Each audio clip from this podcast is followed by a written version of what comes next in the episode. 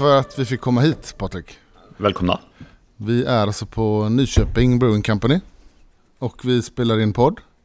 Och vi ställer frågor till dig också för eh, boken om svensk ölkultur som vi håller på med. Jag, Tobias och Peter Jönsson. Olle är här, Martin är här. Jag är här, du är här. Eh, var börjar vi? Kan vi...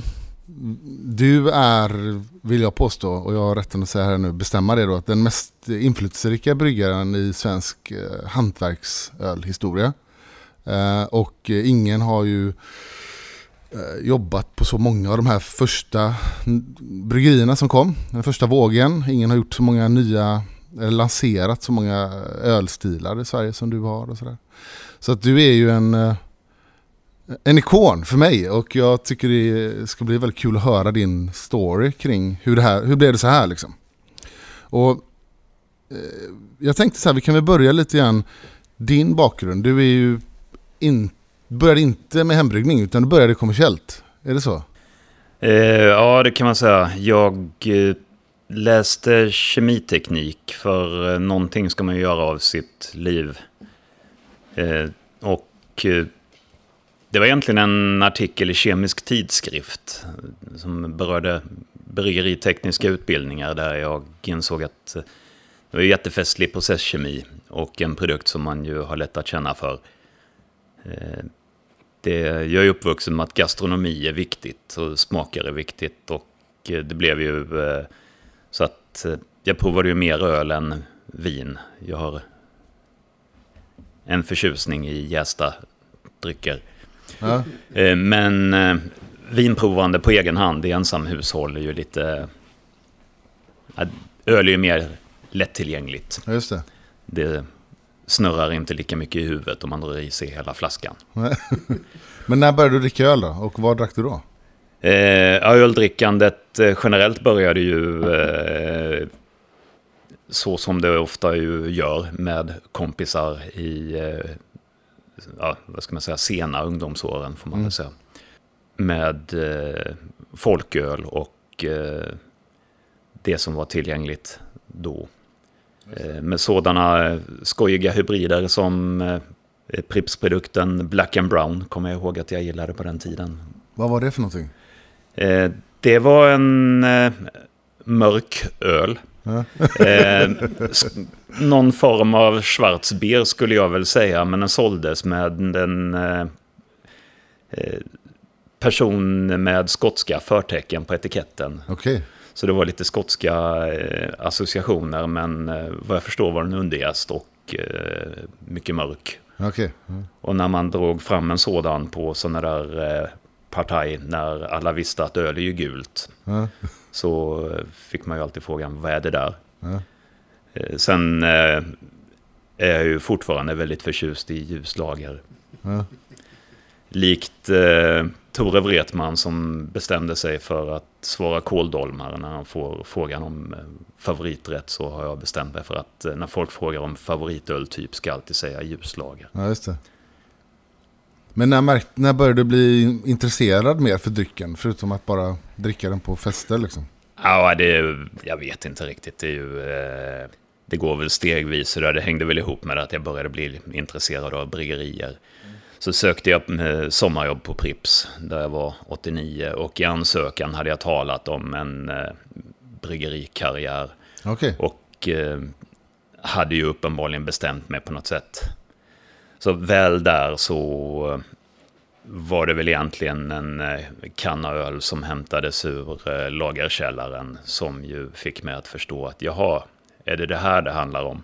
Och eh, eh där blev jag ju dessutom tagen på allvar som eh, nyfiken frågvis person som marotade fram böcker åt mig och jag hamnade i ett eh, utvecklingsprojekt. Av en slump schemalades provbrygderna av den blivande Pripps Pils på mitt bryggverk. Okay.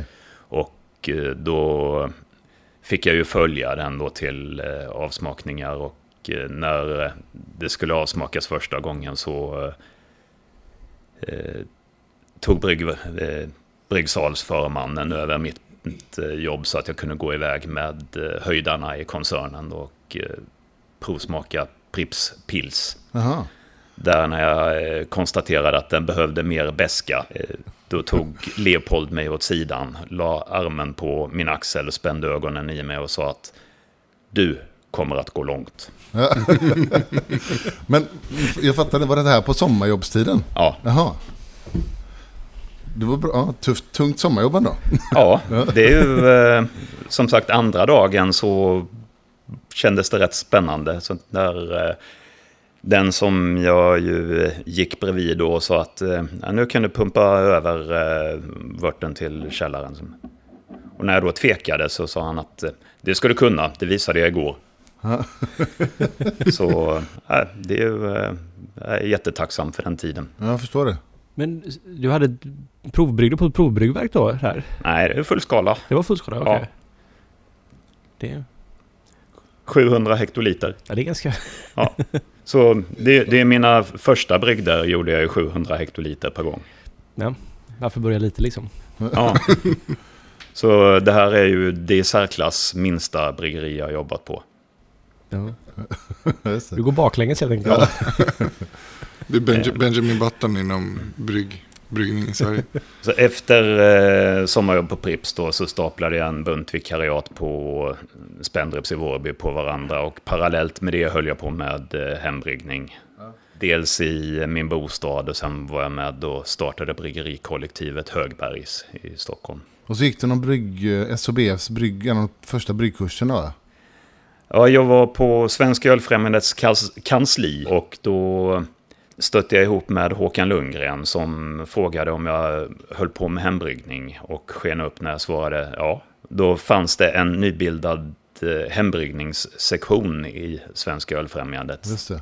Och eh, Håkan sa att han skulle hålla en hembryggningskurs. Då gick jag den för att få lite utrustningstips och sådant. Eh, vilket jag ju fick, så att jag gick ju hem och bebyggde uppgraderade silkar och sådant. Till, Okej. eh, hink i hink med 3 mm hål. Köpte en eh, gummigenomföring på Kunze och Company för 3,25. Men, vad, men innan det då, hade det varit, när du bryggde hemma, var det ölsatser innan? Eller var det helmaltsbryggning du höll på med från? Min första hembrygd var en dekoktionsmäskad ljuslageröl. För man ska ju börja med någonting man vet hur man gör. I, i, var, i, sysslade Prips med dekoktionsmästning när du var där på sommarjobbet? Ja, Ja. eh, det var nästan alla i världen förekommande mäsk... Eh, eh, typer. Det är varianter på dekoktion och det var ju på råfruktstiden också. Så att eh, det var mer än en gång som jag kokade över majsmäsken till eh, Tuborg klass 1. Ja, vad roligt. Okej, du gick, och så gick du den, eh, och sen fortsatte du brygga hemma. Och vad hände sen? Eh, Efter eh, att då ha eh, vanskött studierna under en period så tyckte jag att så här kan man inte hålla på. Så jag började försöka bruka allvar med- och eh, då gick det ju som det brukar göra när man försöker. Det gick ganska bra. Men eh, i samband med en eh, resa. Vi vann som pris i svenska mästerskapen i hembryggning så hade jag och några andra varit på Jo svagdricksbryggeri och bryggt svagdricka. Och då ville Jeff Bork visa sina bryggeriplaner i närliggande Tidaholm. Så han tog oss runt och visade lokaler där han tänkte att där skulle man kunna ha ett bryggeri. I eh, dagarna mellan jul och nyår 1993 måste det varit så ringde Jeff Bork till mig och frågade om jag var intresserad av att köra hans planerade Källefalls bryggeri. Och efter några sömnlösa nätter och samtal med min far så ringde jag på nyårsdagen 1994 och tackade ja. Så jag blev följaktligen inte ingenjör. Det. Och eh, där var jag då 94-95. Men hur kom du i kontakt med Bork när, där på när det här svagdrickebrygget? Var han en hembryggarprofil då? Eller varför var han där? Han eh, ville ju eh, helt enkelt få kontakt med eh, någon som kunde brygga öl och tyckte ju att eh, hembryggarprofiler var ett bra ställe att börja leta. Och vad, vad var tanken med Källefall där från början? Om jag förstått det rätt så var grundtanken var att det skulle vara Real Ale från början, Real Ale-bryggeri typ. Ja, det började ju så. Eller redan innan jag kom med så var det kontraktsbryggning på Sofiero i Laholm. Ja. Och eh, under tiden så uppfördes bryggeriet i Tidaholm och där var det ju tänkt att det i första hand skulle vara öl på kask. Eh, Men eh, man hade ju helt missat det faktum att eh, det finns ju inte källare på svenska utskänkningsställen. Så infrastrukturen för att hantera kask behövde man ju i så fall också tillhandahålla och det var ju inte helt enkelt. Eh, så eh, man insåg rätt fort att man behövde små förpackningar också. Och eh, rätt länge så kördes ölet i bulk till Sofiero för tappning. Och eh, sedan tog man över tappning i egen regi. Var det pastörisering också då? På Sofiero var det det. Ja, ja. Så, men sen har jag hört, stämmer det att Real Ale, ni gjorde en del till några ställen? Det var, det var någon, Ja. eh, någon engelsman på den tiden som typ förde in Real Ale i Sverige. Minns inte namnet på honom. Eh, John Higson på Exakt. Ölkusken eh, drev ju importfirma Precis. Där eh, Jörgen Hasselqvist på Great Brands var med på den tiden. Men att, om jag förstod det rätt, så han importerade Real Ale, såldes i Sverige. För att faten sen skulle skickas tillbaka till England så fylldes de med Källefall öl. Källefall hade egna fat. Den hade egna fat. Så, så det såldes inte Källefallöl i England. Att den gick tillbaka med öl. Nej. Inte eh, på min tid. Nej. Men hur, Källefall var ju väldigt tidiga. Det var ju, får man nog säga, det första, eller var ju det första hantverksbryggeriet i Sverige. Som, så som vi definierar det idag. Man sen kan man prata om Sofiero som kanske tidiga också, men det var ändå ett, hade varit ett gammalt bryggeri och hade fått en ny licens för att brygga precis innan. Men på den här tiden så visste ju ingen riktigt vad, vad det här var. Var det svårt att sälja ölen? Delvis var det ju svårt att sälja eh, Real Ale som vi var inne på. Mm. Men eh, öl på flaska gick ju spikrakt uppåt och väldigt snabbt. Och var över hela Sverige? Ni fick distribution på bolaget? Eller? Ja. Täckning Det var inte lika trångt då kan man Nej, säga. precis. Och eh, vi hade ju ändå en rätt så bra öltypspalett sådär så att eh, vi hade ju ett eh, öl som var halmgult, tydlig överjäst karaktär men inte så att det skrämde bort folk som vi ville dricka. Källfall Pale, Ale. Ja, den var en klassisk eh, bitter men vi hade en Golden Ale som hette Skara Början Just det. Skara början ja. Men, med Willamette i aromen. men jag tänker så här, då, eh, då hade du jobbat på Prips och ingen hade ju drivit ett så här kommersiellt ale-bryggeri. Alltså, och vad fick du, det var inte så att du kunde gå ut på nätet så lätt och läsa hur man skulle göra. Och vad fick ni kunskapen liksom? Ja, alltså det är ju... eh, Som hembryggare så var det ju en del saker man ju eh, behövde brygga för att få dricka det. Som eh, vanlig bitter till exempel gick ju inte att köpa. Så ville man ha en bitter inuti sin kropp så fick man ju se till att tillverka den. Ja. Så jag har ju eh, då ständigt haft en... eh, Så att jag, jag bryggde ju så att jag såg till att jag hade tillgång till en eh, pilsner. Det som ju då...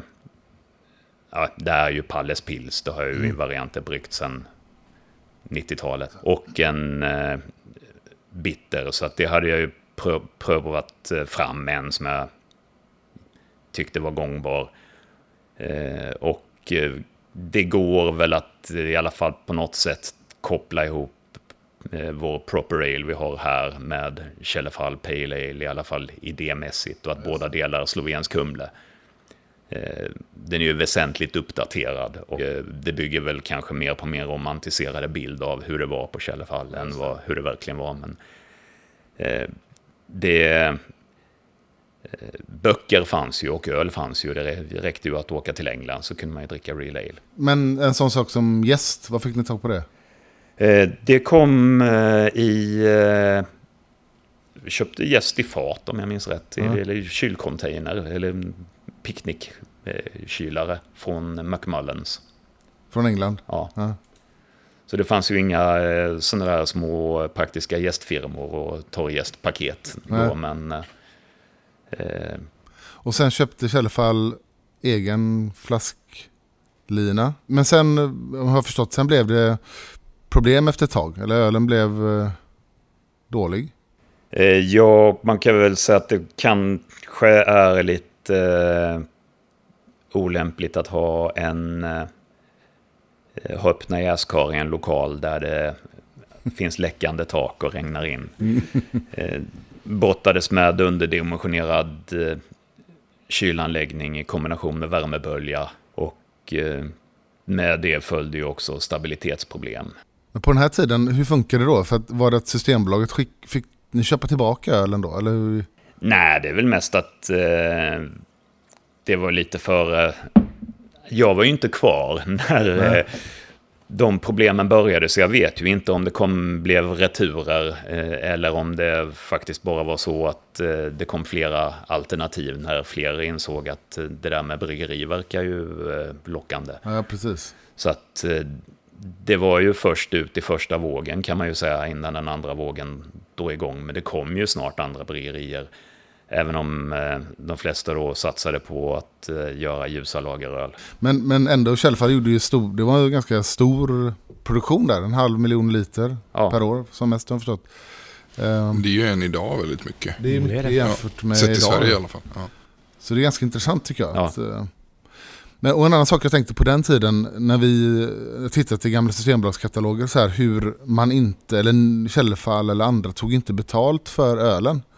Eh, mycket mer än vad storbryggerierna tog för sin lageröl. Fanns det ett eh, eh, dåligt självförtroende hur man kunde ta betalt eller vad, vad, vad låg bakom det?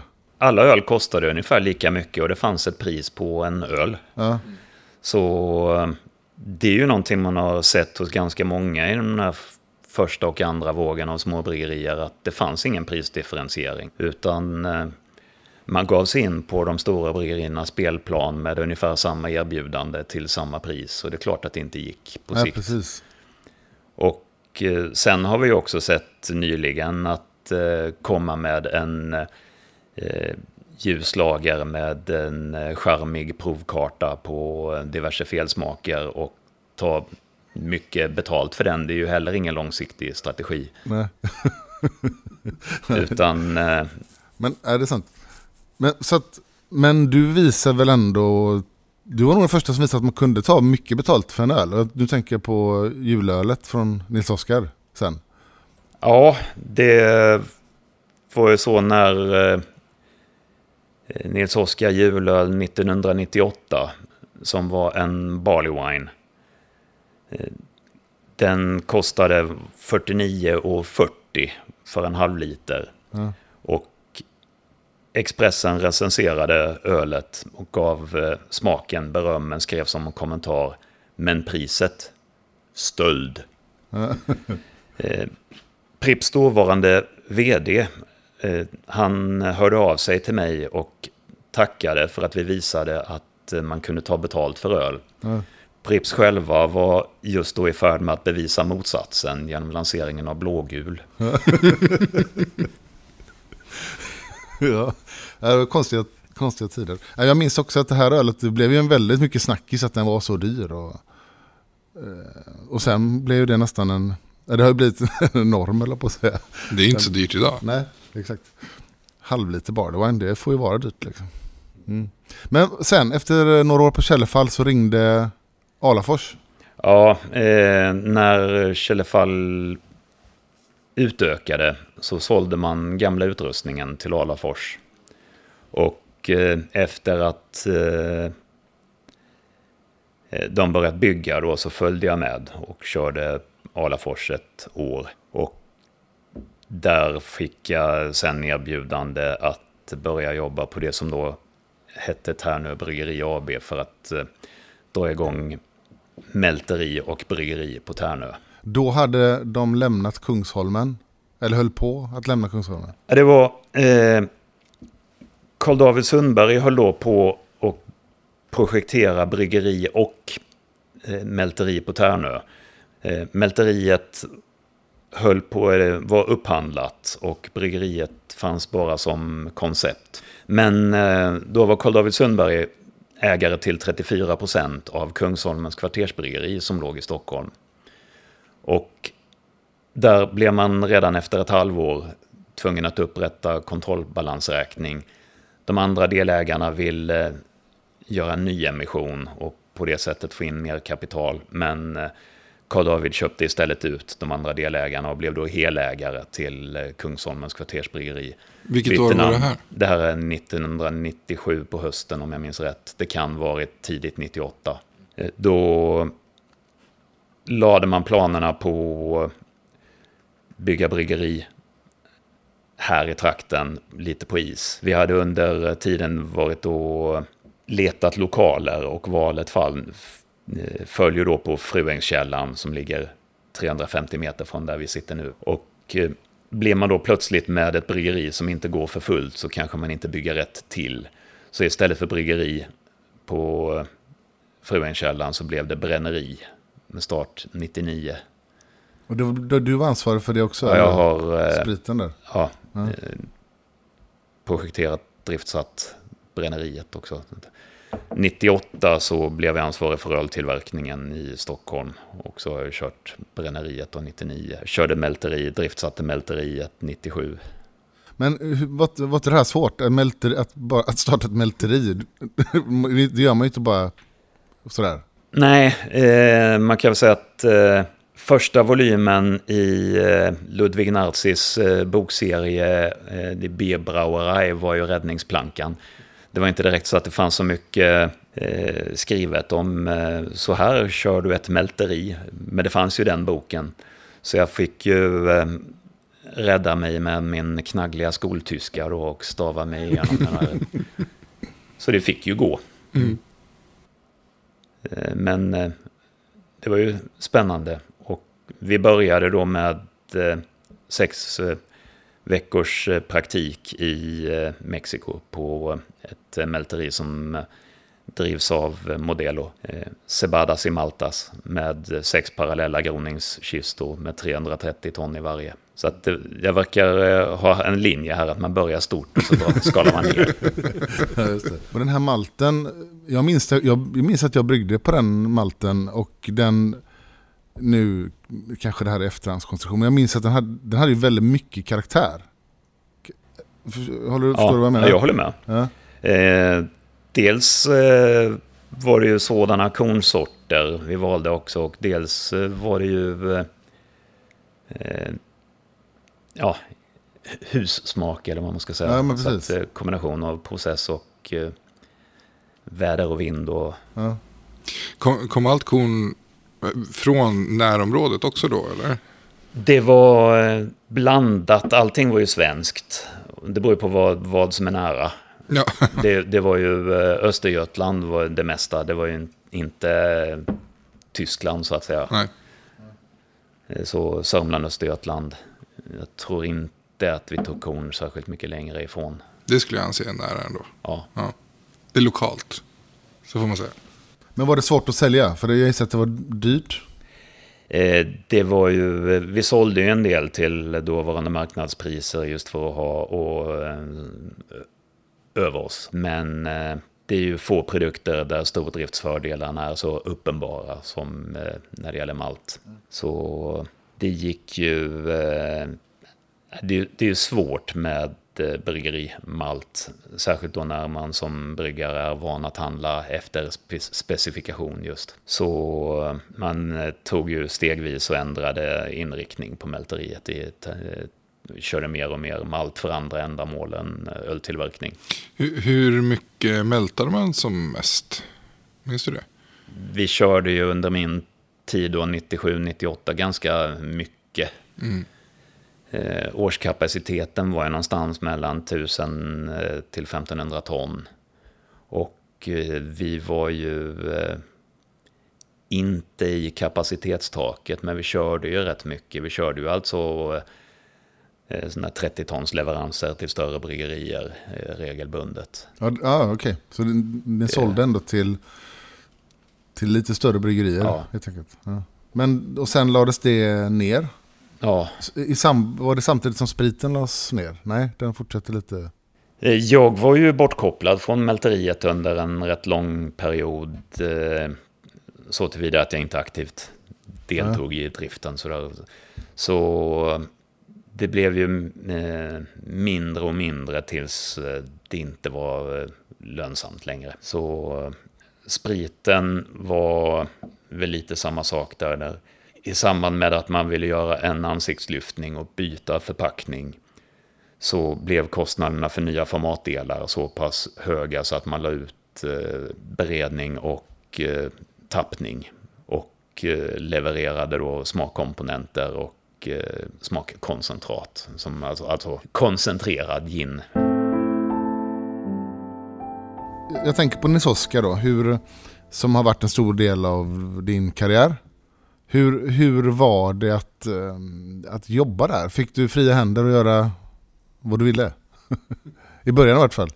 Ja, eh, jag har ju gjort en hel del eh, öl som finns bara för att jag ville ha dem. Eh, sen är det ju eh, som så många andra bryggerier eh, ut, över den allra minsta storleken väldigt styrt av Systembolagets lanseringsplan. Så det är ju då ofta svårt när man har en viss typ av kundkrets också att få ut korta små serier med, eh, ja vi har 50 öl av den här roliga ölen just nu. Ja, Då är det svårt för vi har ju redan tryckt våra menyer så att de ska vi ha nu i sex månader. Så de får komma tillbaka om sex månader. Eh, och då kan vi lägga in det här ölet. Nej men vi har ju gjort det här specialölet nu. Det finns ju nu. Ja. Och då blir det ju lite mer tungrött. Eh, Men eh, det, så det är en kombination av eh, att det är ju ändå någon som ska dricka ölet. Under, man kan ju säga att det har ju bryggts väldigt mycket öl i pilotskala där borta som ju aldrig lämnat bryggeriet. För att det inte gick att sälja eller för att det inte Nej, det är ju mest att det har, det har varit allmänt experimenterande och sådär. Och det handlar ju också om eh, huruvida man är trovärdig avsändare för vissa öltyper. Vad, vad har du haft för filosofi när det gäller öl och vilka öl som tas fram? Liksom? Vad, vad har varit viktigt för dig? Att det är gott Ja. eh, är väl egentligen eh, det. Och så kan man ju diskutera vad gott är. Men eh, sen är det ju också att det ska vara någorlunda processbart. Alltså det ska ju gå att framställa på ett rimligt sätt. Det är ju, eh, ja det ska ju gå att få igenom fabriken helt enkelt på, till en prisnivå som ju någon är beredd att betala. Och den kan ju ibland vara hög och ibland lite lägre. Men jag tänkte på mycket av de ölen som du gjorde tidigt var ju då eh, på den tiden det sågs ju som väldigt så här innovativt och banbrytande. Även om det var så här klassiska ölstilar egentligen. Men det var ingen annan som hade gjort det. Eh, idag är det lite svårare att eh, kanske sticka ut i den på det sättet. Men eller tänker du liksom Tänker du mycket så här klassiska ölstilar eller speciella länder? Eller, vad, vad är viktigt? Liksom? Det är ju där man lärde sig dricka öl. Ja. Så det, det, det är ju, eh, jag är ju svag för eh, Centraleuropa och eh, Storbritannien. Men det är ju, jag åker ju till USA då och då. Och när man sen kommer hem så ja, då, då, då vill jag ju under en period bara eh, dricka öl som smakar malt. Ge mig någonting som smakar malt. Eh, Så att eh, jag kan ju bli och blir ganska ofta rätt humletrött. Men jag har haft förmånen att få åka och döma World Beer Cup. Och har ju då, man får fylla i en, ett formulär om vilka öltyper man i första hand inte får döma för att man till exempel tävlar i de kategorierna. Och eh, så är det ju omvänt också att man kan få önska vilka man verkligen vill döma för att man eh, är en världsledande expert på de öltyperna eller är mycket förtjust i de öltyperna. Eh, Jag skrev i formuläret då för förra gången det faktiskt blev av med World Beer Cup att jag saknar kompetens att döma pumpaöl. Och där går väl min gräns. Jag har ingen aning om hur det egentligen ska smaka, vad det är, vad är en bra pumpaöl. Och då räcker det inte med style guidelines för att begripa. I övrigt så tycker jag väl att jag är någorlunda bevandrad i eh, alla definierade öltyper. Det man ju glömmer bort när man sitter så här som modernister, det är ju att eh, själva begreppet öltyp är ju eh, egentligen ganska nytt. Det går ju att med fog påstå att det var Michael Jackson som införde det på 70-talet. Eh, så lite grann blir det ju som undergenres i metalvärlden. Ja, och pumpöl får väl ni göra här då? Helt enkelt. Du får göra ett pumpöl. Ja, så jag får lära mig hur det ska vara. Ja. Med, eh, det kan man då också säga att jag är ju inte överdrivet eh, förtjust i kryddöl eftersom det så ofta går överstyr. Eh, Däremot har jag inga öl, eller problem med öl med kryddor i, det har jag gjort några. Men tycker ju att de är som bäst när man inte riktigt direkt kan plocka vad det är för kryddor. Jag har ju till exempel gjort kryddad säsong några gånger. Men tycker ju att det är som godast när man inte riktigt kan urskilja vad det är, utan det skulle kunna vara gästen. Ja, men jag håller med. Just pumpöl tycker jag är lite konstigt för att där är det ju väldigt mycket kryddor ofta i det man har provat, eller hur? Att det känns som det är det som man känner snarare än pumpa, eller? Ja, alltså jag har jättedålig koll. Jag tycker det är jätteäckligt. Ja, det är inte gott, nej. Så här, jag har druckit väldigt lite av det för att de erfarenheterna jag har är bland... Ja, det är få saker jag tycker inom, att det, inom öl som är så äckligt som pumpöl faktiskt. Ja. ja, jag, Jag har lite dålig koll på vad pumpa smakar i allmänhet det, faktiskt. det är lite det jag menar, att Ja. man låter nog inte pumpan tala i pumpaöl. Utan det är kryddorna som... Kryddorna är väl vad jag förstår det som man brukar ha i eh, eh, fyllningen i kalkon till Thanksgiving. Hur många år hann du vara på Kungsholmen innan det flyttade ner bryggeriet hit? Eh, det flyttade 2006. Och det drogs igång 96. Mm. Eh, Jag var ju inte med 96, jag började ju 1 april 97. Och eh, var på besök på Kungsholmens kvartersbryggeri, vad kan det vara, november 96 och blev bjuden på öl, så bevisligen var det igång då. Får jag fråga, men, men att flytta från Stockholm till Nyköping, var det en enkel match tyckte du då, eller hur? Eh, För mig personligen så dröjde det ju eh, ett tag innan vi flyttade med, med familjen. och Så då jag hade ju faktiskt bestämt mig för att bara köra flyttprojektet och sen kliva av. Men eh, så blev det inte, utan det blev ju ända till... Ja, det blev Nyköping Brewing istället. Eh, så nej, det var inget jag gjorde lättvindigt. Eh, vår son var ju fyra år då och hade ju ganska bra där vi bodde.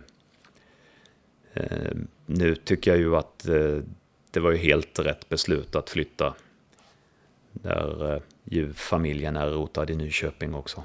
Men jag tänkte på om man backar till Kungsholmen. Det var också, ett, det var också stora volymer som gjordes snabbt där, var det inte det?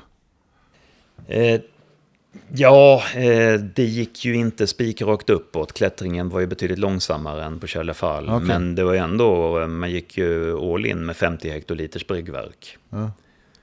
Och eh, redan där då låser man ju in sig i att inte ha en så jättebred portfölj. Utan då har man ju eh, få öl om man nu har små volymer. Vad var det första ölet du gjorde där? Minns du?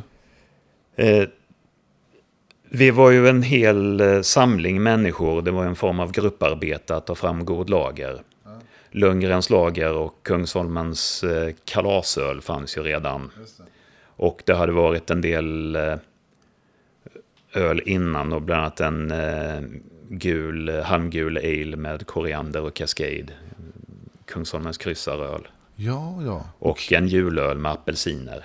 Och Kings Dog Ale. Den kommer jag ihåg också. Ja. Den eh, förefaller rätt så märklig, fast den ser inte så märklig ut på papper. Det var något konstigt med den. jag, har, jag har kvar en flaska, oöppnad. Oj, ja, Jag ska, jag ska inte öppna den. Eh, det är nog lika bra. Ja, exakt.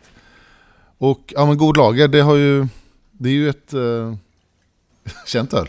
Ja, Ja. Är det fortfarande det mest sålda?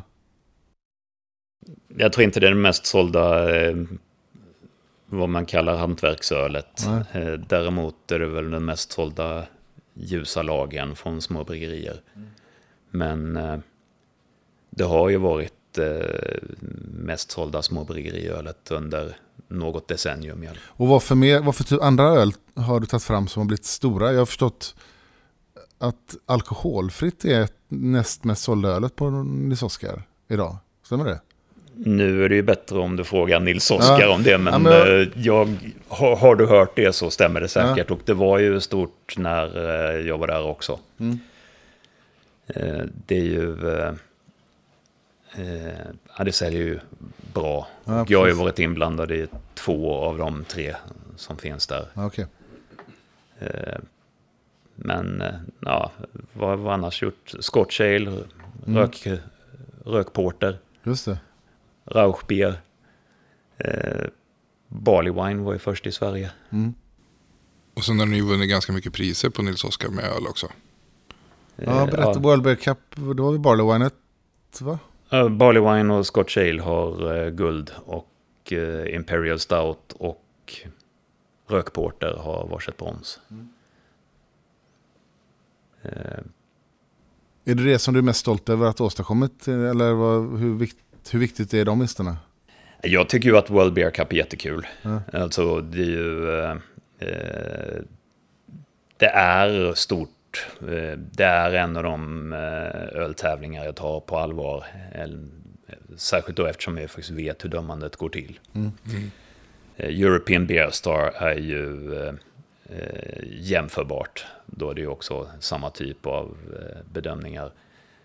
Eh, Sen finns ju en ma- massor av öltävlingar på alla möjliga sätt. Och eh, det är ju... eh, En del av dem är seriösa medan andra är ju lite mer lekfulla. Och en del handlar ju om rena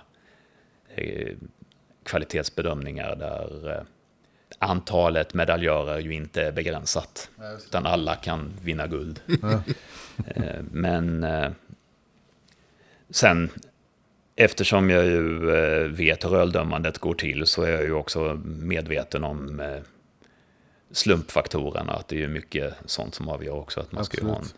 portion tur. Men eh, turen kommer ju inte om inte ölet är excellent som ju är kriteriet i World Beer Cup. Sen är det ju ändå just ett av skälen till att jag klev på det här med restaurangbryggeri är ju att få det direkta kundmötet också. Just att kanske inte ta emot folkets jubel, men eh, i alla fall få se om folk tycker om ölet och dricker det i realtid så att säga. Men berätta om det, för att ehm, nu pratar du om, nu hoppar vi till Nyköping då, Brewing Company. Och vad, vad var det som gjorde att du bestämde dig för att lämna Nils Oskar till slut? Dels kände jag ju att det var dags. Ja, Det jag hade ju varit där i 22 år och 6 månader och det är ju ingen liten tid. ja, Eh, Det är ju också då om man själv känner att man inte är riktigt eh, motiverad så, så är det ju heller inte bra för Nils Oskar. Och eh, så skulle jag ju då inte kunna stå där och titta på när Jonas och Sasse bygger upp det här, Nyköping Brewing. Utan eh, eh, det här är någonting jag verkligen vill göra. Och när jag ju började titta på det där med eh, bryggarbana så fanns ju ändå någonstans där med restaurangbryggeri som någon slags fantasi. Var kom inspirationen från där då? När det kom till det USA?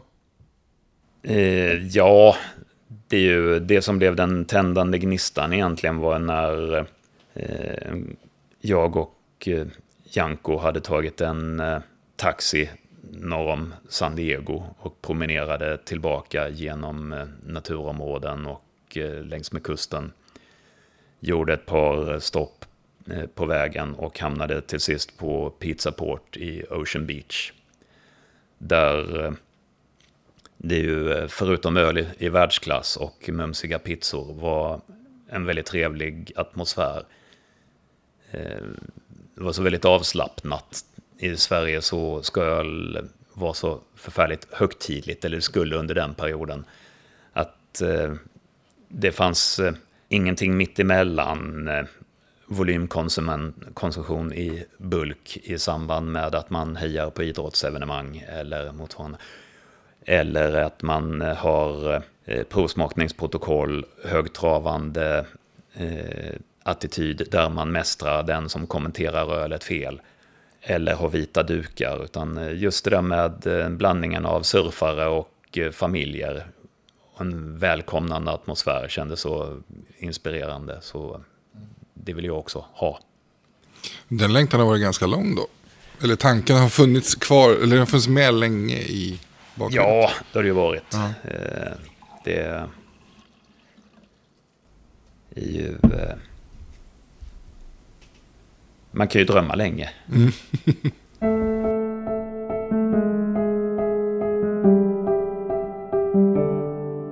Är vi på väg att få en mer avslappnad attityd till öl här tror du? Ja, jag tror det. Eh, Där, eh, jag tror att eh, folk inte riktigt accepterar att man blir förolämpad av barpersonen eh, för att man har fel preferenser till exempel. Eller beställer ölet på fel sätt eller inte har sin, sina underkategorier helt klara. Eh, det, det finns ju eh, ett eh, stort mellanutrymme mellan en IPA-attack Ja, vilken då? Va? Finns det flera? Och att man ska då avkrävas att på detaljnivå kunna nomenklaturen. Det, vi var ju till och med på seminarier i, och för att eh, lära oss att eh, man ska ju inte fokusera på hur man attraherar målgrupper utan snarare kanske tänka på hur eh, får man eh, de som in, väljer att inte vara med att trivas. För vår del så handlar det ju förmodligen mest om att försöka vara sig själv också för att eh, ja, lösnäsor har en tendens att ramla av. Vad är det för lösnäsor du inte vill hålla på med då? Vad menar du då? Nej, det är väl mest att man tar på sig en eh, påklistrad eh, image eller attityd eller låtsas vara någonting man inte är. Det behöver ju inte handla om öltyper utan det handlar ju om mer om, eh, eller man kan ju vara en öltyp själv, men prestigelös sådan. Så eh, vi försöker ju också ha ett eh, ja, bredd i sortimentet och sådär så att man inte med det, styr bort Kunde du sakna det? Jag tänker på åren med Nils Oskar och det är ganska stor skillnad mot den här bryggeripubs som du säger att, att man kanske också behöver experimentera mer och bredda utbudet och, och ha utbytbart utbud medan Nils Oskar och större volymproduktion generellt behöver cementera in sina produkter till, till konsumenter. Jag drivs inte riktigt av det där att hitta på nya öl hela tiden. Det, det har inget självändamål och eh, jag hoppas ju att vi inte hamnar i det där fenomenet som ju finns i USA då när folk kommer med bilen varje lördag för att köpa nyheterna. Men den, den där hade ni ju förra veckan, vad har ni som är nytt? Eh, För eh, då är ju alla öl alltid skott från höften. Ja. Jag tycker ju om flaggskepp. Det är ju jättegott med, eh, ja, som en speciallagerbier som ju har funnits ett tag. Där man har kunnat se över vad man gör. Eh, Men eh, därmed inte sagt att jag är motståndare till att man gör ett öl en gång och sen aldrig mer. Så att här ser vi ju redan att det finns båda delarna. Folk kommer och frågar efter någonting vi har haft en gång. Eh, Men eh, har nyhetstörsten också. Eh, Nu fyller vi ju luckorna i vår e- egen eh, produktion med att vi köper öl av eh, andra. Och andra kan ju då vara, i första hand försöker vi ju köpa av eh, bryggerier vi har en relation till. Eh, Men eh, det behöver inte vara det heller. Vi har ju köpt öl från andra länder och sånt där också. Nu är ju sortimentet rätt så präglat av sådant som eh, de som besökte den här minimässan som Föreningen Sveriges oberoende små bryggerier hade med sig. Så Just det, ni hade det här. Ja. Ja. eh, vi åt middag här efteråt. Ja. Så att eh, när ni ändå kommer till stan, vill ni sälja ett fat öl till oss? Så tog de ju med sig det. Att, och då har vi ju själva bara i viss mån styrt vilka öl de ville ha med. Men ni finns, vad säljer ni mer? Ni säljer på Stenbolaget. Ja. Eh, Vill ni, försöker ni få någon form av eh, fasta lanseringar där eller blir det svårt att hantera med de här volymerna? Eh, vi, har, vi kommer ju offerera eh, mer och vi vill ju ut och framåt. Men eh, vi har ju börjat med att få liv i restaurangen. Mm. Och eh, vi vill ju nå ut men vi är ju så pass nya så att eh, det är bara några dagar sedan vi tecknade ett fraktavtal så att vi kan skicka ölet någonstans utan att man ska ringa runt och fråga Hej, kan ni köra tre fat öl till? Så det är ju i startgroparna. Vad, vilka bryggerier eh, som idag influerar dig eller inspireras du av eller imponeras av? Eller? Ja, tittar man internationellt så eh, är jag ju eh, mycket svag för bryggerier som till exempel Russian River. Mm. Som jag har tyckt gjort alla rätt under väldigt lång tid. Jag gillar ju som sagt de här frankiska lagertraditionalisterna väldigt mycket. I Sverige finns ju en massa bryggerier som gör eh, goda öl. Och de som inte gör goda öl har ju börjat i högre och högre utsträckning göra just det. Mm. Så eh, nu har vi ju representanter från några svenska bryggerier här vid bordet också, vars, eh, där det har köpts öl från båda tidigare. Då betyder det att de är bra då? ja, Ja, nu har vi ju haft öl som vi inte riktigt har superälskat, men eh, det är ju eh, just i de här fallen så har det både varit så att vi själva gärna tagit dem som skiftöl när man slutar och att det har sålt på. Och hur funkar det här när folk kommer in? Är det många som kommer in bara för att ta en öl eller brukar folk sitta och äta? Eller hur är upplägget? Nu är det ju pandemi, Ja. så eh, i princip kommer inte gäster som inte har bokat bord. Okej. Eftersom vi har så pass begränsat med sittplatser eh, då så har det hänt att eh, man får vända i dörren. Och därför bokar folk bord. Och eh, då har vi ju inte det där... De som råkar gå förbi och går in och smiter in på en öl kommer inte på samma sätt. Men eh, det händer ju då, eller folk bokar ju bord för att bara sitta och öla. Vi har ju definitivt inte mattvång för att man bokar bord. Nej. Men eh, eh, när vi drog igång då innan det blev coronarestriktioner så var det ju rätt mycket eh, in och dricka en öl eller två. Jag var ju här i somras eh, en dag och, och jag tänkte på det när jag satt här ute. Då var det ju varmt och skönt och det var ganska mycket folk som satt ute här. Det var väldigt mycket sådana här eh, flighter eller smakprovsbrickor. Otroligt mycket just småglas. Folk vill prova igenom sortimentet. Har det varit tydligt så att konsumenterna som kommer hit just vill ha den typen av upplevelse? Ja, alltså det var ju verkligen så att eh, vi blev eh, överraskade. Vi eh, räknade ju med att eh, det ska vara eh, någonting för beer tickers på genomresa. Som vill kryssa många bryggerier på en dag. Men det har ju varit folk som druckit sig igenom hela sortimentet på en kväll och tagit... Ja, och så tar jag ett till fyra. Fem till tio tack. Och eh, beställer en flight med eh, en ljuslager, en IPA, en eh, eh, kettle sour med frukt och en imperial stout till sin pizza. och eh, Ja, det är väl kul, men själv blir jag lite förbryllad. Jag tycker ju att en sån här flight är lite för förströelse medan man tittar på matsedeln. Sen till sin maträtt beställer man en öl som passar. Då beställer man en halv liter specialbrau Märzen. Till exempel. Ja. Men det är bra att helgardera sig annars. Han vet ju kanske inte hur pizzan kommer smaka. Nej. Så har man flera olika saker att välja på. Ja. En fruited kettle sour gick jättebra ihop med, den, eh, med, med svartkålen. så, och återigen sådär, det är ju gästen väljer och jag sätter mig inte till doms över det. Utan vill, vill man då ha lite olika och konstatera att eh, den här oljiga stouten kanske inte var klockren till eh, avokadon så Ja, då har man ju upptäckt det. Då kan man dricka den sist så var den jättegod. Att man får lära sig på egen hand. Ja. Men jag såg, det var ju många fatöl ni hade här. ja. Hur många kranar har ni? Eh, Vi har 24 kranar där en är bubbelvatten och en är stilla vatten. Okej. Ja, det var bra bubbelvatten får jag säga. Ja. Så vi har eh, ju eh,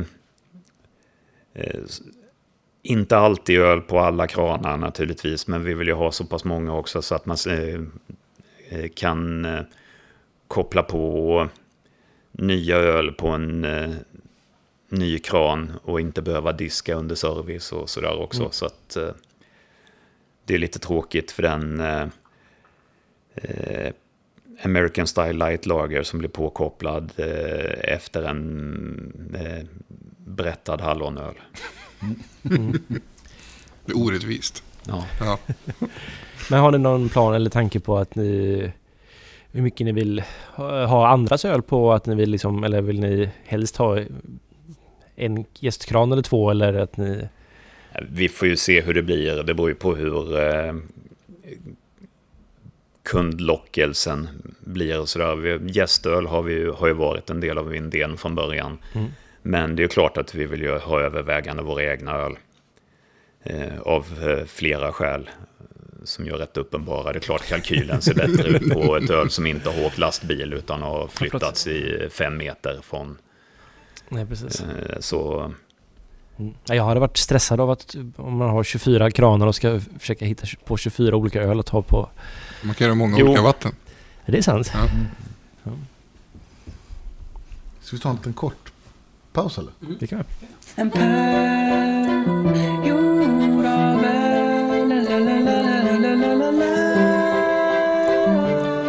Du har ju hembryggt också ganska mycket ändå. Och det finns ju kopplingar. Vi såg ju bild nu när vi träffade Håkan Lundgren och Mick Nordapera från det efter SM du har på dig tror jag tröja där det står SM i hembryggning 1991 tror jag står på t-shirten. Och så är Håkan med och Svante Ekelin är med. Så jag vet inte vem den fjärde personen är men det, det vet säkert du. Men eh, hembryggning då och hembryggning idag. Hembryggning blir väldigt, väldigt populärt. Har du, hur har din, in, ditt förhållningssätt till hembryggning varit genom åren?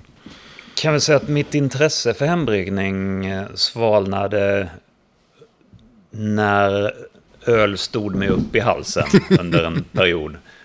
Eh, Det återkom ju då. Jag, jag hembrygger inte alls i, idag eftersom eh, jag får nog av bryggning eh, på dagarna.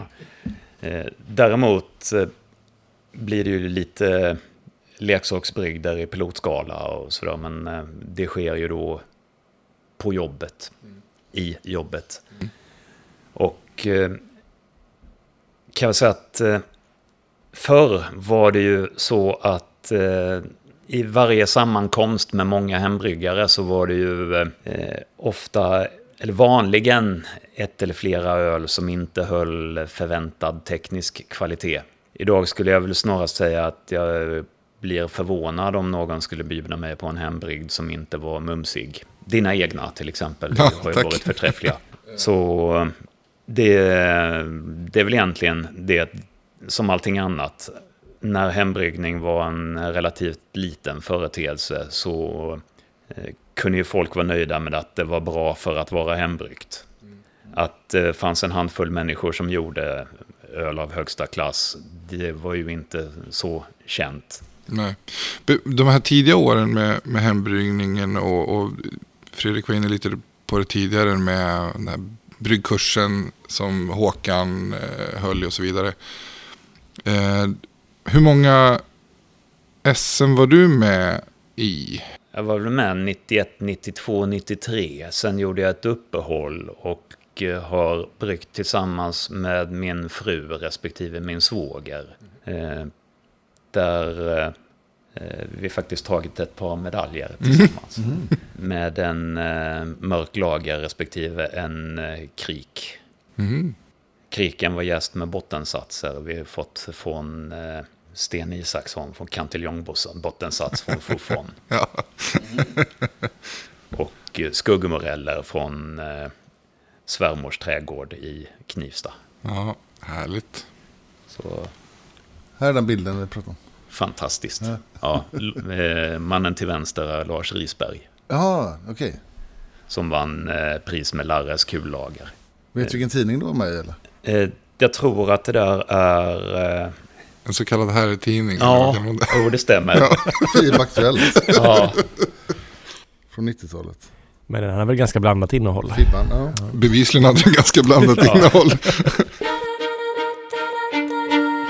Den tiden, och för det, jag, jag kan tänka mig, jag vet ju själv när man började hembrygga, Olle, Olle kan ju säkert skriva under på samma sak. Man, ganska snabbt så blev man väldigt, eh, intresset växte ganska fort. Och det fanns en, en väldigt härlig gemenskap eh, som jag upplevde under den tiden jag hembrygg, började hembrygga i alla fall. Och, ja, ni hade ju också det bevisligen på, på er tid också. Det gänget det känns som att ni har haft kontakt under många, många år också framåt. Ja, alltså mina gamla ölkompisar är ju ölkompisar fortfarande. Mm. Och eh, när jag började i eh, bryggeri, bryggeriindustrin, alltså den kommersiella bryggeriindustrin, och ville nätverka i takt med att det kom eh, nya svenska småbryggerier, så blev jag förvånad över att eh, det var ju rätt många som inte ville vara med. Mhm. Alltså,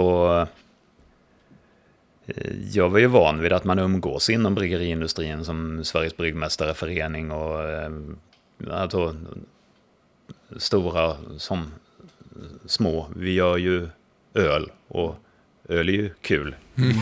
I de fall öl inte är kul så borde det vara kul.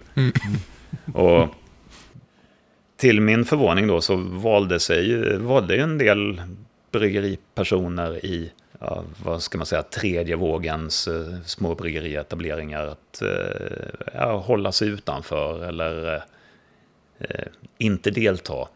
Och det tycker jag ju har vänt. Jag känner väl att de flesta av oss eh, på ett eller annat sätt kan tala med varandra och dricka öl tillsammans och eh, låna någon påse humle om det. Eh, men eh, eh, eh, ja, så, som hembryggningsgemenskapen Mm. ju var eh, med eh, keggpicknick i Hagaparken. Har Palles Pils tagit några medaljer i SM också? Eh, ja, 93 och eh, 92 tror jag. Och Barleywinet som vann World Beer Cup är också en hembryggd som Godzilla. Ja. Ja. Eh, så den eh, vann 93. Så du hade bra idéer redan från början med andra ord? Den vann eh, klubben Förjäsningsarméns inbjudningstävling i Barley Wine 92. Det var samma brygd som vann SM 93. Ja, okej. Eh, Jag har förstått i olika sammanhang att du har också tankar kring det här med viktigt att vara tydlig med ursprung och vad ölen görs och sådär. Ni bryggde ju själv i början på Värmlands brygghus, alltså Nyköping bryggde på Värmland om jag har förstått det rätt. Stämmer. Eh, hur tänker du kring det idag? Är det mycket som, eh, som inte står rätt till med ursprung och öppenhet och sådär? Jag tycker ju att eh, transparens är bra och det gäller ju egentligen allting. Eh, som jag sa tidigare, lösnäsor har en tendens att trilla av. Och eh, eh, det är ju återigen det där, vad är en bryggare, vad är ett bryggeri? Mm. Det, är- man kan ju tycka att eh, varumärken med geografiska benämningar kan ju eh, betraktas som vilseledande. Eller också så tycker man ju då att det, helt enkelt är en eh, etikett vilken som helst. När man använder gamla ortsnamn och sådär. Men eh, jag har inga helst problem med eh, fantombryggerier och kontraktsbryggning och sådant. Jag har ju bara problem med eh, dålig genomlysning eller eh, Att man Ja. inte är öppen? Liksom. Ja. Ja. och det gäller ju allting då med vad man stoppar i ölet och eller för den delen varifrån kommer den här biffen. Eh, Så att eh, om man då tar sin importerade köttbit och låter den byta flagga när man packar om den så blir det ju fel. Sen har jag ju då noggrant påpekat att eh, Jonas satt ju i styrelsen för Värmlands brygghus när vi ja, bryggde där och Ja, det kändes ju därför nästan hemma. Så uppenbarligen har jag ju något behov av att berätta just det. Men eh, det är ju, Källefall började ju som kontraktsbryggning och eh, det, eh, men då, det, jag drevs ju från början, i alla fall i första hand av mitt es- intresse för bryggerier. Så det är klart jag vill ha bryggeri Mm. där vi brygger ölet. Mm.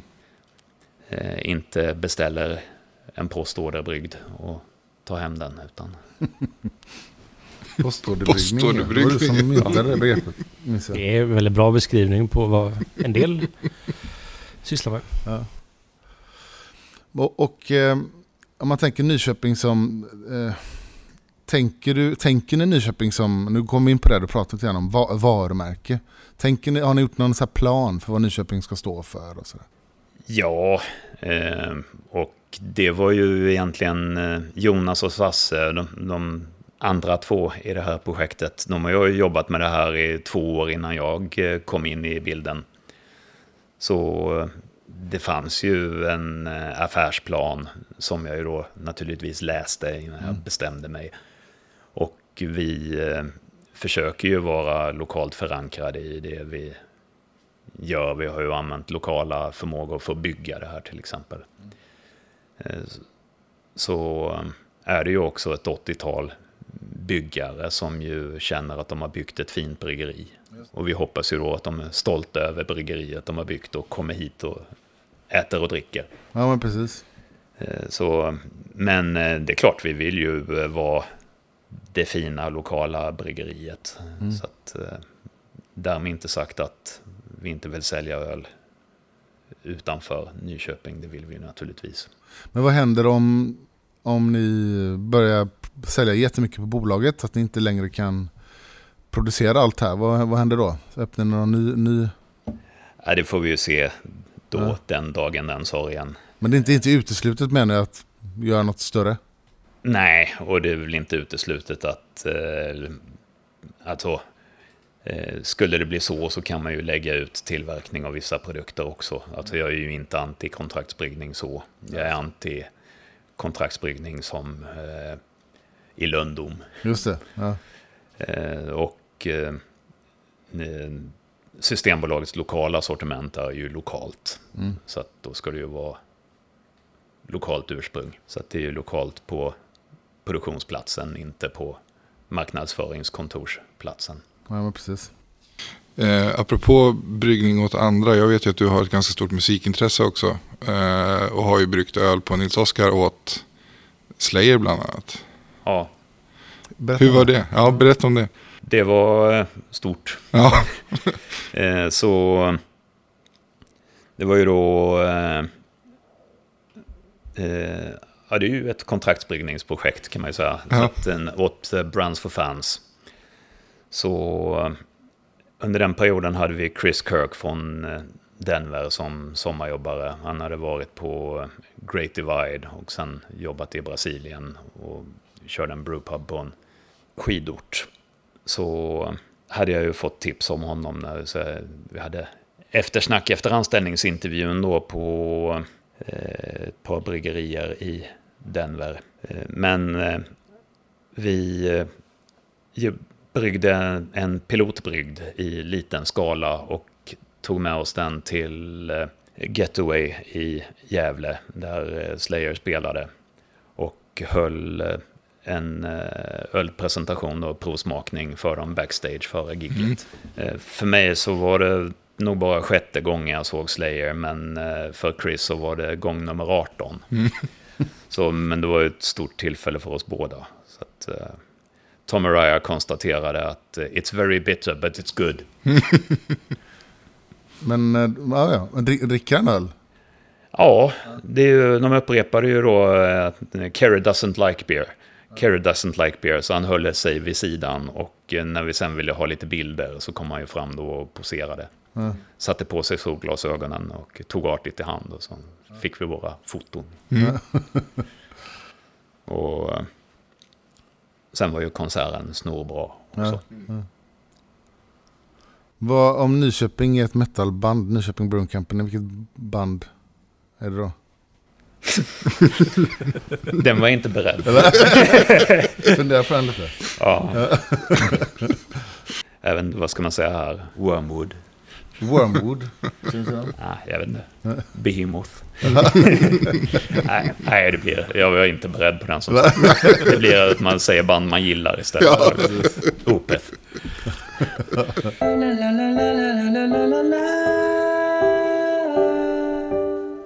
Jag, tänkte så här, du har varit inne på det flera gånger, men dagens ölklimat i, i Sverige idag, vad, eh, någon, vad tänker du kring det? Är det bara bra eller är det något som inte är bra? Eller? Ja, man kan väl säga att eh, det är ju eh, något mer diversifierat än det var när jag började i den här branschen. Eh, sen är det ju som alltid, och det, är ju mycket samma lika, man går ju i grupp. Och det gäller ju inte bara hipsteröltyperna då, utan det, det är ju... Jag kommer ihåg den här Cascade-vågen när den kom och eh, alla öl smakade Cascade på precis samma sätt. Och eh, det, det blir... eh, Jag har ju eh, som ni begriper mycket lättare att stå ut med att alla öl smakar SAS på samma sätt.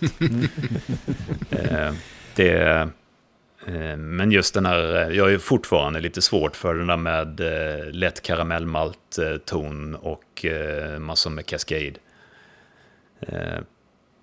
På det sättet som ölen presenterades just då i kring 98. Så där, det var, mm, fanns en hel påse sådana öl som jag tyckte var...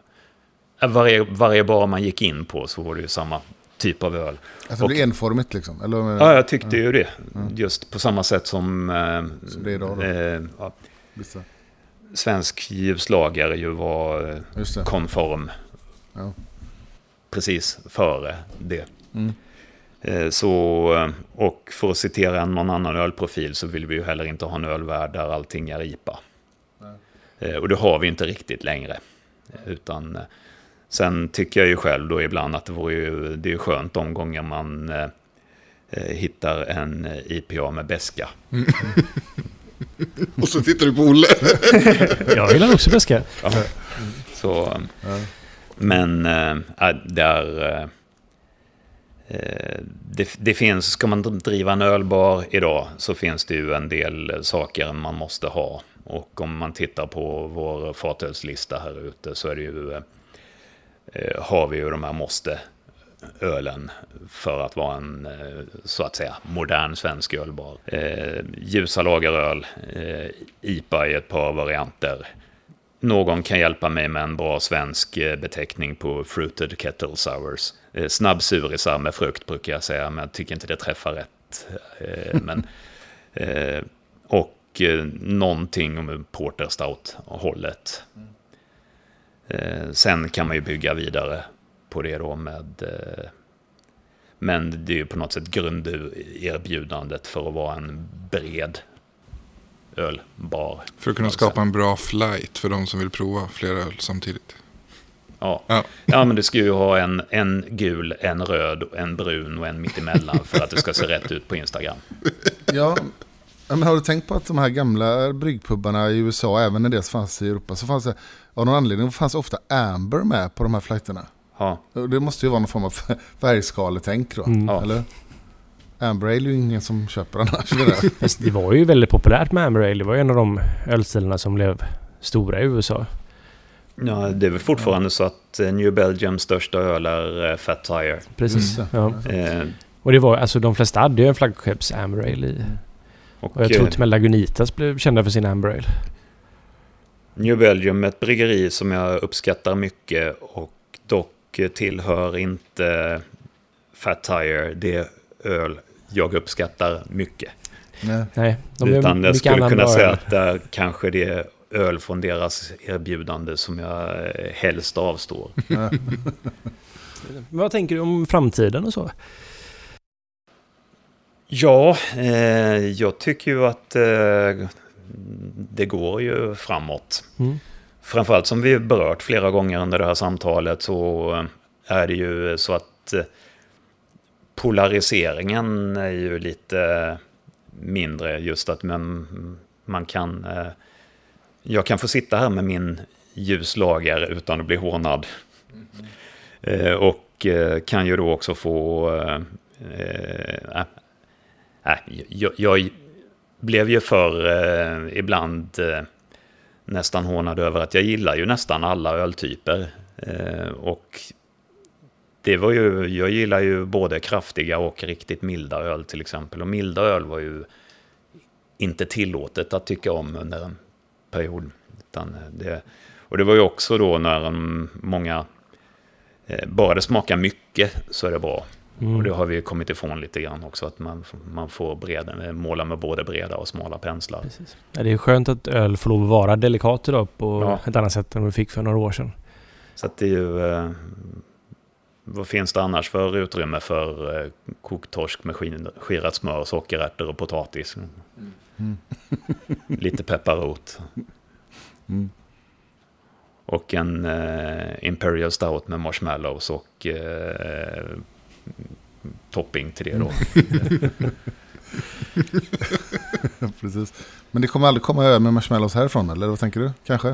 Eh, Det är väl inte otänkbart sådär. Det känns väl egentligen som om det skulle vara extra roligt om det kom från mig.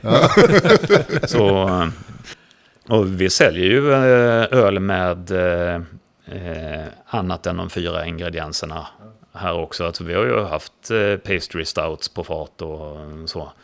Men de här riktigt kladdiga sakerna är ganska svårsålda av flera skäl. Dels för att eh, eh, man tröttnar ju eh, efter en stund eftersom de ju är kladdiga och så tenderar de ju att vara ganska dyra också. Jag är inte främmande för att göra eh, någonting så länge det innehåller livsmedelsingredienser. eh, det vi har pratat om eh, så där, det är ju att ska man göra saker så är det ju mycket roligare med eh, riktiga ingredienser än bara aromer. Ja, jag är enig. Eh, men Det- eh, jag är inte främmande för det heller. Eh, Alltså man kan ju, ja, det, det är som sagt öppna kort. Så Mm. kan man göra allting som, så länge det är godkända Ja, livsmedelsingredienser. och sen så... Jag kan ju alltså, själv inspireras jag, tror du är ganska lika där, att man inspireras av processen väldigt mycket och då vill Ja. man jobba med naturliga ingredienser. Men sen så, många andras drivkrafter är ju att de är drivna av smakerna istället. Ja. Och det är ju det de vill nå och vill man använda aromer då så får man göra det. Det är ju lite vad man drivs av som bryggare helt enkelt. Absolut. Ja. Är det någonting med så mycket erfarenhet av bryggning som du har anskaffat dig nu? eh, Är det någonting som du känner att det här skulle jag vilja lära mig mer om personligen? Ja. eh, det, är ju, ja, det är ju egentligen det mesta Ja. inom alla områden. Det är ju, eh, framförallt källararbetet går ju att eh, förfina hur mycket som helst. Och sen är det ju det ständiga med stabilitet och processförbättringar och effektiviseringar och ja, allting egentligen. Hur kan man göra det här ölet godare och godare under längre tid? Och i bästa fall också eh, ännu godare fast mindre dyrt. Ja, just det. Eh, det är också just, eh, dels är det ju de här enkla frågorna men där svaret inte är så självklart. Hur mycket ska man ta? Mm. Alltså, eh, när det gäller eh, humle så är det den ständiga frågan. Jag tänkte på en sak kring, eh, du pratade tidigare om vikten av att, eh, att när man kommer in hit så ska det vara eh, det ska vara liksom avslappnat och inte för högt, öl ska inte bli för högtidligt och sådär. Ehm, jag tänker på en del saker i vår alkoholpolitik omöjliggör ju en del saker. Jag tänker på så här, funderar ni mycket på gårdsförsäljning och vad ni skulle kunna göra här om, om det var tillåtet? Eller hur ställer ni till det? Eh, vi tycker inte att det här med gårdsförsäljning är en jättefråga egentligen. Eh, men det är ju klart att eh, skicka med en eh, öl med takeaway-pizzan är ju attraktivt. Mm. Men ingen stor fråga för oss. Nej. Eh, Vi har inte vi hunnit med eh, att ta fram folköl eh, ännu, men det, kommer. Och då kan vi skicka det med takeaway pizzan. Vi har ju mat att ta med sig i små kartonger. Så Just att, det. eh, det är såklart att det skulle öka erbjudandet att kunna skicka med en öl där också. Mm. Eh, Men eh, vi står inte på barrikaderna och vi har ju större glädje av det lokala sortimentet på Systembolaget än att eventuellt kunna skicka med starköl med pizzan. Och där är det ju många debattörer som ser ett motsatsförhållande mellan dessa och är det så så Men om det inte skulle vara ett motsatsförhållande? Vad, Eh, för mig personligen så skulle jag ju gärna se gårdsförsäljning. Om eh, det kommer utan pris, så att säga. Och eh, jag tror ju då inte att det nödvändigtvis skulle innebära att man, folk sitter i drivor här och eh, eh, har en påse öl och eh, drar i sig den till pizzan. Utan man tar den väl förmodligen med sig hem. Mm. Eh, Det första förslaget skulle ju vara kopplat till en upplevelse som en eh, bryggerivisning. För att man skulle få köpa någonting och då är det ju ändå så att man måste titta på bryggeriet också. ja, men exakt. Det gör man ju ganska fort här förvisso. Men Du sa att ni skulle göra folköl. Vad tänker du då? För typ av folköl vill du göra? eh, öl med en maximal alkoholhalt på 3,5 procent. Sen kommer det ju bli ett sortiment där också. Men vilka lämpar sig menar jag inom det? Tycker du? Eh, det som jag har mest erfarenhet av är ju eh, olika varianter på lageröl. Men eh, vi kommer ju ha någon eh, Pale Ale-variant eh, rätt snart också. Så. Det, men som sagt, vi har inte bestämt riktigt vad vi ska göra, utan vi sitter i en sån här projektstart. Eh, det är ganska mycket som är eh, lätt att eh, skala ner av klassiska öltyper och sådär. Det ju, eh, kan bli lite förvirrande om man försöker göra en sessionized imperial stout. Nu börjar falla jag lite sugen på att prova ett öl. Eller? är du ensam om det eller? Ja, nej, ja. Det är det? ja, det tror jag det faktiskt. Av någon anledning så är jag lite osugen på öl idag. Absolut ingenting med gårdagen att göra. Ingenting alls. Nej, Jag kände att andedräkterna var lite aromatiska. Men är det något, innan vi avslutar, är det någonting som du vill eh, lägga till? Eller något vi har missat? Eller? Jag vet inte riktigt sådär. Det är ju eh, det är alltid speciellt att sitta här och få ens ego kittlat. Så. Eh, Det är svårt att veta vad man säger. Jag har ju heller inte försökt förbereda mig. Nej, men det blir att, bättre eh, diskussion då, tänker det, det är mest att jag försöker sänka garden tillräckligt mycket för att det ska komma något i munnen. Eh, Jag vet ju också sen när man satt och försökte, oavsett vad man spelar in, att det händer ju att bara jag ser röda recordinglampan så fastnar jag i strängarna. Ja, Ett, men jag tycker inte jag har blivit paralyserad i alla fall. absolut inte. Nej, inte Men du har inte growlat än, vilket är lite besvikelse. Ja, ja. Nästa gång kanske. ja. Stort tack! Tackar. Tack så mycket.